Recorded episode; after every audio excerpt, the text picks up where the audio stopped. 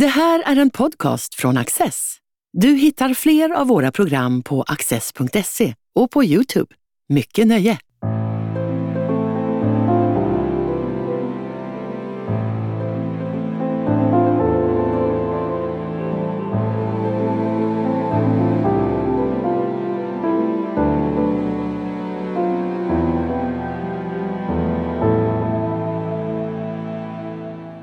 Välkomna till en ny bok. Jag sitter här med författaren David Goodhart. Very welcome David. Thank you. David Goodhart är journalist, var med och startade tidskriften Prospect. Han jobbar idag bland annat för tankesmedjan Policy Exchange, men har också skrivit flera uppmärksammade böcker. Den senaste av dem heter på engelska Head, Hand, Heart och kom ut 2020 eh, under pandemin. Och vi sitter väl här närmast för att den nu kommer på svenska som huvud, hand, hjärta. Head, hand, heart. Three symbols for human capacities. Mm. Could you elaborate a little on your on the title? Yeah, uh, I mean, my main thesis is a is not a particularly controversial one. I think the fact that there's been a huge increase in the um, the value attached to uh, academic success, the kind of exam passing, analytical, sort of cognitive capabilities. Uh, in, That's the head. Yeah, in, yeah. in all Western yeah. societies. Um, and along with that, I mean, this is a phenomenon that's been going on now 30 or 40 years, accompanied by the huge expansion of higher education. And you've had at the same time globalization happening, economic globalization happening, which has helped to depress the, the wages and the status of, of manual work um, of all kinds, you know, skilled, technical, as well as ordinary factory jobs have, have declined in, uh, in earnings. And similarly, you've had a, I think, a, a, a kind of undervaluing of the domestic realm, of, of the family, um, and of, of care jobs, well, care jobs, many of which used to be done in the family that are now often done in the public care economy. So, so you've had this, you've, you've had this big increase in the status attached to one form of human aptitude. And one of the consequences of that is that it's much easier to fail uh, in a more cognitive, valuing, achievement society that we've developed in, in most Western countries, I think, in the in the last few decades. Uh, you know, if you were in the bottom half of Swedish society or British society in the 1960s or the 1970s, you, you may not have been as rich as the people in the top half, but you had a status. You know, there was the dignity of labour. You had a narrative, particularly if you were a man it's, it's a, this is a story that is rather different for men and women. Women have seen great advances uh, since the 1970s. Uh, less well-educated men uh, have have seen uh, big steps back mm-hmm. since since the 1970s in many ways. Um, and I mean, I'm not, you know, obviously I'm not against high intelligence. You know, we need a lot of very clever people, um, but I do think we have overexpanded um, uh, higher education. Um, and when only 10 or 15 percent of the population went into higher education, you know, back in the 1980s, probably. Um, you know, if you if you lived in a small town or you went to a school, 10 or 15 of your cleverest um, form mates went to college and you didn't. It didn't really matter. But when 50 percent or even 60 percent of people go to university and you don't, mm. then you're you know you you're going to think that you're a second class citizen. All the good jobs go f- to people with the uh, you know who who have the cognitive certification.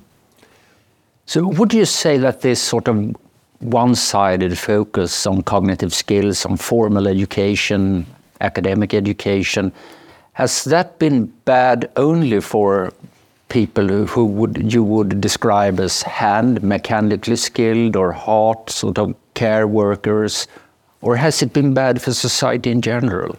I, I think it has been bad for society in general partly because of the political dominance of the the, the kind of graduate cognitive class, and they have tended to assume that their own priorities, their own priorities for openness, autonomy, um, uh, mobility, as is particularly true in in the UK, most of uh, most students go to residential universities. They leave their hometown. Um, I mean, I think it, it, happens a lot in Sweden too. Although I think you also have quite a lot of people who go to university where they come from. Uh, but that sense that of, of kind of leaving your roots and moving, mobility is good. That means that you tend to be more in favour of openness and um, you're comfortable with change because your own life has seen a lot of change. Uh, but you're often you break relationships, you know, often with your own family, with the people you went to school with, and and you join a whole new sort of class of people. And I think that has meant that our political classes uh, have have often become more separated from a majority of, of voters. Like I say, I mean, we needed to expand higher education. I'm not against um, you know high, high intelligence. We need it. To, we need very clever people to you know to invent you know vaccines against against uh, diseases and solve climate crisis and so on. Um, but I think we did. We kind of over we overshot.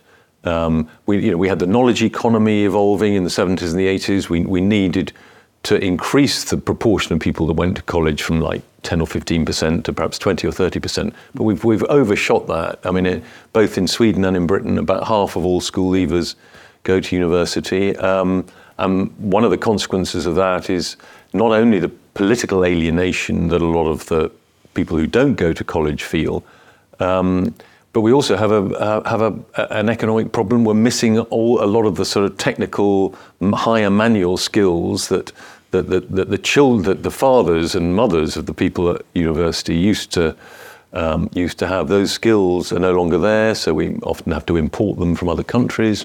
A somewhat different aspect of this is that you get you describe sort of an increased. Um, difference, uh, a gap between uh, elites in society and, and uh, the non higher educated mm. people. That's one aspect of it. Another one is that you get a, an elite in society which is very homogeneous. Yeah. They, they've all sort of gone through the same motions. It used to be that uh, different sectors of society produced their own elites, and you got a I think productive tension. Uh, exactly. Yeah. I mean, you, you had a working class elite, you know, who produced uh, you know members of parliament mm-hmm. here and in and in Britain too. Yeah. No, I think that's a, a, that is a good point. You had, um, uh, and of course, what this is also both a kind of cause and effect of is the shift in the focus of politics from socioeconomic things, obviously socioeconomic things remain very important, but we sort of shifted from the socio socioeconomic focus to a much more sort of cultural, psychological, almost emotional status, where it's to do, you know, people's respect, uh, how how the, you know whether they feel they have kind of dignity, and uh, these issues have become so much more important, um, and I think that that is partly because of so much status has, is derived from educational success. And like I say, it's much, there are many more opportunities to fail in a kind of quasi meritocratic achievement society based around educational competition, you know, often at the age of 12, 16 or whatever. You know, you, you pass exams or you don't, you know, you go into a, you get funneled into the kind of professional class the professional cognitive class, or you'd get funneled into um, often uh, you know jobs that that are low paid and, and no longer have any respect. Low paid, but you also tell stories in the book about people who, who get decently paid. They have non-academic jobs. They get decently paid, but they're still sort of a regarded by many as a kind of second-class uh, citizen. Yeah, I mean, I think, uh, uh, and that is that is part of the problem that um, that we've uh, we've come to regard, um, you know, people who don't make that, you know, people who don't have. Uh, well, actually, often not everybody who goes to university is particularly clever. I mean, it's often to do with you know your social background and and the kind of drilling, the training you've had, and so on.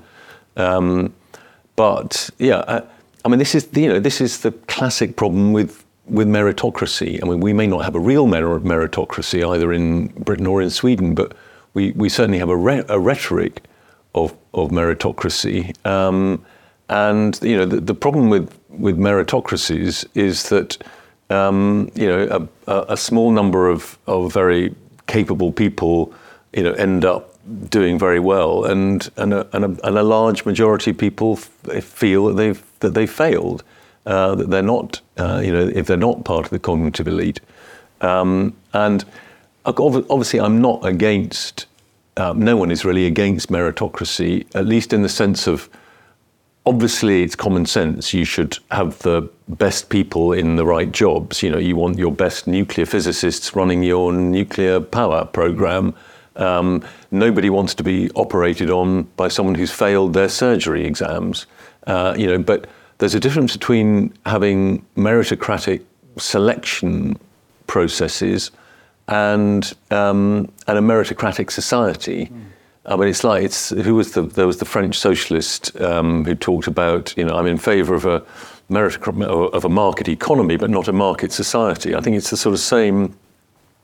And and and I mean, uh, like I say, I mean, I'm not against meritocracy, but I think that our idea of merit has just been too narrow. Mm-hmm. You know, we've had an idea of merit um, which is based purely around the, the, the kind of academic cognitive. Um, Newspapers, academia, uh, politics, um, the, think, the think tank world, mm. they're all full of head people. So, what has the reception of the book been like? Have they been outraged? Uh, no, um, I mean, uh, I mean, uh, quite a few people pointed out, as indeed I say in the book itself. It's one of those annoying things you get attacked for something that you're you're not saying exactly. Is that, um, of course, everything we do involves aspects of head, hand, and heart. Mm-hmm. I mean, you every action is a mixture of kind of cognitive, embodied, emotional. Um, um, and that so that was um, that that was a, a, little bit annoying when a lot of people sort of said the you know the, the, this is an artificial. Of course, it's an artificial distinction, but nonetheless, I think it has some value. Uh, it is describing a real process, and lots of people, you know, clearly do feel that their contribution is not as valued as maybe it it would have been, you know, you know, a few decades ago. Uh, now it, you know, the story is complicated, and one of the things um, that I was criticised for, although it's a point I do make again in the book, I think, is the extent to which I'm talking about a male experience, particularly a particularly a kind of working class male experience. I mean, that as it were, the main group that has suffered from the combination of economic globalization and the huge expansion of uh, the cognitive class is um, are men who are not making it into the cognitive class, you know, often from poorer working class backgrounds. I mean, that they are the group that has that has suffered most, and they are the group that have um, have also seen, you know, their their sisters doing a lot better than them yeah. um, in in recent decades, and they're the group that are most politically alienated. They're the group that are you know, voted for Brexit or voted for Trump or voting for the Sweden Democrats in Sweden. Um, and they have very good reason um, for, for, for, feeling that the whole terms of trade of society have kind of turned against them. Um, the book, book was uh, published in English uh, during the pandemic, wasn't yeah. it? And, and uh, um, during those uh, times, people sort of suddenly realized to what extent society uh, relates uh, or uh, uh, relies on mm. nurses, mm. drivers, um, well, lots of people who do very practical things. Yeah. and would you say that that's a lesson that's already beginning to be forgotten?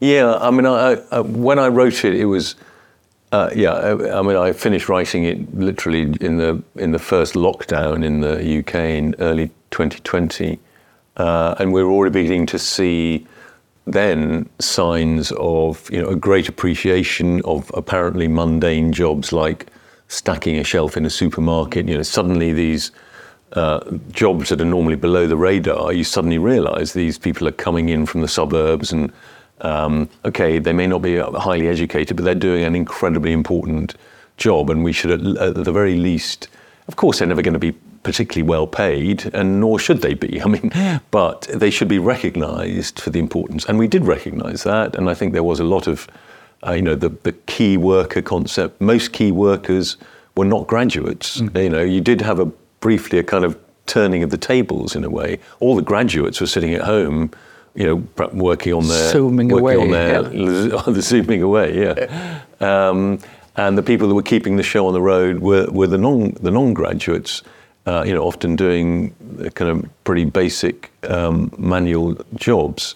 Um, and we had the you know the clapping for nurses and and doctors and um, uh, but I do I do think that spirit has rather slipped away. Um, I mean, it's, you know, it's possible that it could be revived, but I think that sort of sense of the of um, of a little bit of a kind of redistribution of status that that we saw. Um, that we haven't really built on that. I think it's true to say. I mean, the book is both descriptive and normative. I mean, obviously, yeah. you make the case for giving bigger respect to certain human capacities that haven't uh, uh been given that respect recently. But would you say it's uh, primarily an analysis or a forecast? Because you seem to uh, argue that uh, the way the economy is changing, the way AI may change uh, uh, our mm. lives, uh, a certain type of jobs will become more important. yeah, I mean, because more in demand yeah. than others. Yeah, I mean, I, I think a lot of the a lot of the hands-on lower status care jobs, and um, you know you cannot replace a, a, a refuse collector w- with a robot or an algorithm. You cannot replace a, a nurse or a, someone looking after an old person in an old person's home. Uh, uh, there, there, are aspects of technology that can that can help these processes, but they are uh, they are jobs that will not be replaced by algorithms. Um, whereas a lot of the the over expansion of the cognitive class, like I keep saying, um, you know, we need really clever people. We need a cognitive class. It's become bloated, and I think a, a large proportion of it, um, you know, maybe you know, if if what 30, 40 percent of the population, or even more, are in um, what one might loosely call sort of primarily cognitive jobs. Um, a lot of them are not actually, you know, they're, they're not jobs. Uh, that are that are, are, particularly intellectually demanding, you may need a degree in order to do it. But there's this this concept um, a couple of economists have written about called digital Taylorism. You know, the idea that a lot of these sort of administrative managerial jobs are um, are actually do, um, do not have a huge intellectual requirement, and yet there's a sort of piggybacking on the status of the sort of more general cognitive class. So you've, you've had you've had a lot of people, um, in a sense, doing you know, having higher status and possibly higher pay than they should have. Um, um, because of the sort of general direction that society has gone in. Now, a lot of those jobs are, of course, going to be replaced by AI. You know, you're still going to need lots of really top doctors and lawyers and accountants and whatever. But it's so that, as it were, the kind of rank and file cognitive jobs are are going to be replaced. Um, so you know that that is a that in a way is a positive development. So all those people are going to be transferred to the jobs that cannot be replaced by uh, AI or or robotics. Uh, so I think you will get an appreciation. You know, you, so I think there will be a natural tendency for the pay and status of those jobs to to increase. One theme that's up for discussion in, in the US, in Western Europe, in Sweden, is that um, pro productivity uh, growth rates uh, have lowered. That's a problem when it comes to raising uh, productivity. This coincides uh, with an increase in higher education, with more people getting longer studying long for, for more years. Mm. Um, is this a paradox or is it uh, a, natural thing as you see it? I mean, I, I think it. I, th- I think the expansion of higher education and the expansion of those sort of lower tier cognitive jobs uh, is precisely one of the problems. I mean, that there's been a kind of um, there's been an interest in um, you know, the, almost the over-regulation. I mean, I think it's something to do with the kind of cognitive class, and you might even, um, this is perhaps somewhat more controversial, you might even say it's also to do with the feminization of society. I mean, that's a sort of slightly different subject, but the enormous, the, the enormous emphasis in recent decades on regulation and safety nets and, you know, inspectors of everything so, you know, we used to have childminders used to just be, you know, the lovely, warm woman on the council estate who looked after three or four children apart from her own. Now she has to virtually have a degree mm-hmm. in child in childcare in order to, you know, the, the, the, and you know, this comes from a perfectly sensible place, um, but it's just overdone. Um, and it's the, you know, it's um, the avoidance of harm. You know, it's the redu- you know any, anything that is seen to be reducing harm is a good thing, and I think that that comes from a, a combination of um, of the kind of over academicization of society, and you might say the feminization too. Um, so I think, um, uh, uh, and uh, you know, it is one of the uh, you know a, a, lot of progressive academics uh, will say.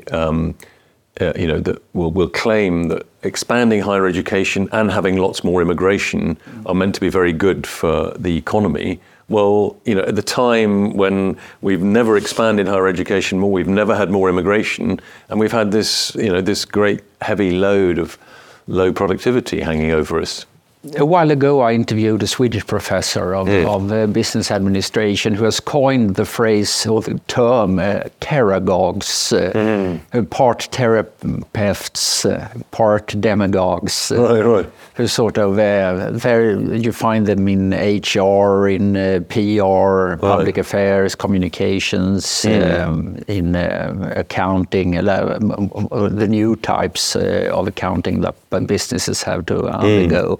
So you've had a big expansion of that class, and right, that's yeah. been a drag on productivity. Absolutely, yeah, yeah, yeah. No, I, I do think that that uh, I mean this is not something that is it's easy to um, prove empirically, but I do think you know the, the the the massed ranks of the regulators and the over regulators and the HR departments and so on is is a function of expanded higher education, definitely. On the other hand, in the uh, uh, preface of uh, the uh, English version of your book, you argue for lower productivity. We need lower productivity. Well, well, we do in some areas, don't we? I mean, we, we, we want more more teachers per pupil. We want more nurses per per patient in a hospital, don't we? Uh, and this this is sort of tending to happen anyway. I mean, there's this thing called the Baumol effect. Uh, there's an economist, I think, mm-hmm. called William yeah, Baumol, that that as more as as jobs disappear in the high productivity ends, that all of the employment gets sucked into